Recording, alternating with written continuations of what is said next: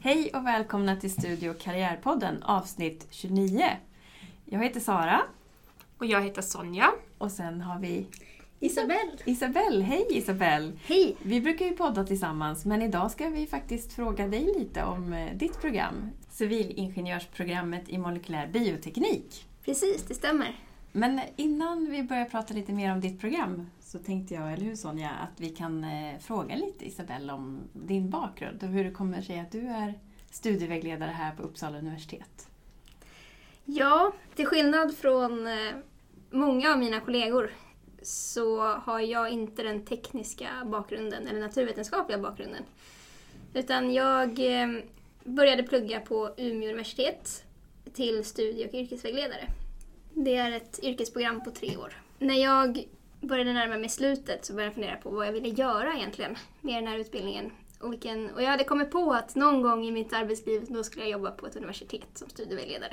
Eh, Så jag tog examen 2014 och sökte ett jobb här faktiskt på den här enheten fast som administratör och fick det jobbet. Så under ett års tid så var jag i den här världen och jobbade som administratör här. Precis när det vikariatet var slut så blev det en studievägledartjänst ledig som jag sökte och fick. Du är vår enda professionella samtalsledare här egentligen. Precis. Och Med du är ju- examen i det du är ju hela. verkligen den som kan det här med karriär på riktigt, eh, till skillnad från oss andra. Ja, samtalsmetodik och eh, det här med karriär och hur man, hur man ser på sådana saker som student, det är saker som absolut som är mina områden. Och där tar ju vi inspiration från dig. Men sen tänker jag också Isabelle, du har ju, i och med att du har ett erfarenhet från ett annat lärosäte, Umeå universitet. Det är ju också kanske ganska värdefullt i din, ditt jobb som studievägledare. Att du vet att det finns en värld här utanför Uppsala universitet också. Ja, men absolut. Och Umeå universitet är ett mindre universitet än vad Uppsala är. Det är ett nyare universitet, vilket alla universitet i Sverige är i och för sig. Men det är ett ganska nytt universitet. Jag ser det som en fördel att ha bott någon annanstans och har sett andra världar. Absolut. Okej, men eh, civilingenjörsprogrammet i molekylär bioteknik. Det är ett femårigt program, men vad, vad är det man lär sig egentligen? Vad är det man läser för kurser och vad, vad blir man? Ja, de tre första åren är helt låsta på, ja, vi kallar det för X-programmet.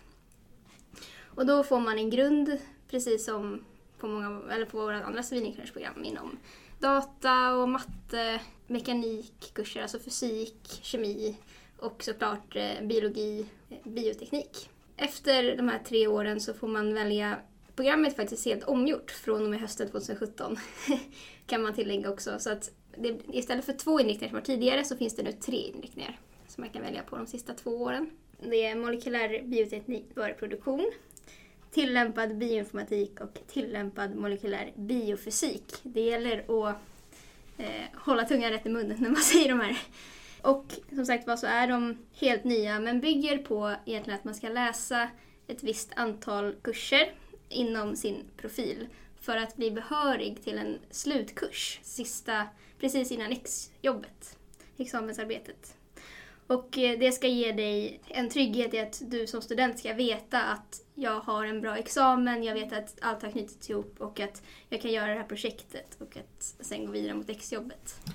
Alltså en del kurser kan du ju läsa oavsett vilken inriktning du vill ha. Så att det är vissa kurser som du måste ha för att bli behörig till sl- slutkursen. Men sen kan du ju lägga in kurser från de andra beroende på om du vill bli mer bred eller om du vill bli mer smal och nischad på Så det sak. finns en viss flexibilitet, det är inte ett färdigt paket som du måste ha. Precis. Men grunden till trevligt. de här specialiseringarna, de lägger du i de här första tre åren. Så att du har provat på lite av det som kommer sen i de här olika Ja. specialiseringarna. Så att du vet lite grann mer vad du ska välja sen, tänker jag. Ja, de första tre åren har du ju för att testa på vad det är man är intresserad av och vill i framtiden. Mm. Samtidigt så får, som du får den här djupare grunden också i matematik och Och kemi mekanik. och mekanik, eh, fysikkurser. Mm. Har det gjorts om för att man har sett en efterfrågan i industrin efter just de här kompetensområdena? Varför väljer man att ge tre istället för två inriktningar nu? Det, när de här togs fram så gjordes det en enkätundersökning ute på företag. Vad, vilken student vill du, vill du rekrytera efter en examen?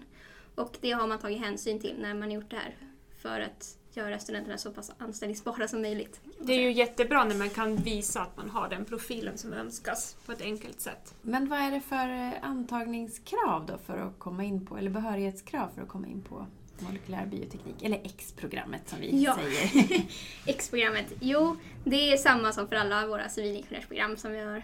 Och det är ju A9 Områdesbehörighet A9. precis. Så matte 4, kemi 1 och fysik 2. Ja. Utöver den grundläggande behörigheten Ja, såklart. den grundläggande behör, behörigheten behöver man. Vad är det för antagningspoäng ungefär? Vad brukar den ligga på?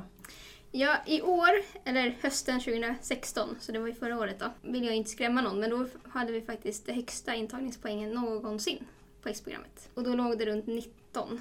Annars brukar det ligga runt 17 till 19 kan man Mm. säga. Okej, så det varierar lite grann och så säkert Ja. beroende på vilken urvalsgrupp också. Ja men absolut, det varierar beroende på vilka som söker. Okej. Men jag tänker, nu har vi ju fått höra lite grann om vad man läser i programmet och vad man kan inrikta sig på. Men vad, vad kan man jobba med? Vad hamnar man i för branscher liksom efter en examen i molekylär bioteknik? Många av våra studenter hamnar ju inom till exempel läkemedelsföretag eller större teknikföretag. IT-branschen är också några som hamnar inom. Man kan alltså hamna i IT-branschen fast man har en mer biologisk utbildning. Är det för att det är så mycket IT-datakunskaper man får? Eller vad? En del av studenterna har jag märkt också vill rikta sig mer mot alltså, IT-kurser. Och läser, dels läser de ju vid sidan av och har med det bara liksom vid sidan av sin själva examen för att visa att jag har det här också. Eh, Men sen så, de som läser bioinformatikinriktningen som är en inriktning som vi har även nu idag, märker man också att en del studenter där vill ju rikta sig mer mot, mot IT-branschen. Kanske bredda sig lite också, inte bara jobba med tillämpningen inom bioinformatik. Liksom. Precis. Och sen så är alltså, en IT-bransch, det är ju det är hur stort som helst. Liksom. Men absolut så säger många studenter att de jobbar med det men de behöver också sina kunskaper från bioteknik för att kunna analysera data till exempel. Eller... Hur skiljer sig då molekylär bioteknik från att ta en kandidat och master inom så kallad vita biologin? Ja, den stora skillnaden där är ju att de som läser civilingenjörsprogrammet de får ju den här tekniska bakgrunden. De får den här bredden i matematik och fysik och kemi. Och det skulle jag säga är den stora skillnaden från att läsa liksom det här som en teknisk utbildning mot att läsa en kandidat och master som inte blir den tekniska bakgrunden på det sättet. Som vi, vi brukar ofta prata om det här med att vi utbildar problemlösare. Ja, Mycket. det är det vi gör. Okej, men det är en ganska bred bransch man kan tänkas hamna i efter en examen i molekylär bioteknik. Det låter ju som att det finns en otrolig variation på, bland studenterna. Vad, vad, jag tänker studenterna själva som går programmet, hur, är de engagerade i sitt program? Har ni, finns det någon sektion, studentförening? Mm, det finns en sektion, en X-sektion finns det. Och den är aktiv. Och de jobbar mycket för, ja, de sitter med i programråd och de har också varit med och tagit fram de här nya profilerna. Och har tagit upp det på sina studieråd och sånt där för att studenterna ska vara involverade i det här beslutet också. Och framförallt vara med och se hur hur det kommer att förändras och sådär. De sitter också som studiesocialt ansvariga och det är en sektion som är, som är levande och ser till att X-studenterna har det bra. Ja, och de är också engagerade och vill liksom träffa andra alumner som har pluggat programmet tidigare kan jag tänka mig och vill Ja. veta var de hamnar sen. Och Precis. sen har jag ju märkt att väldigt många ex-studenter faktiskt engagerar sig i mottagning. Det under Ja, åren så har jag märkt just att det. är ett program som är väldigt intresserat i att välkomna Nya, nya studenter. studenter. Trevligt, vad bra.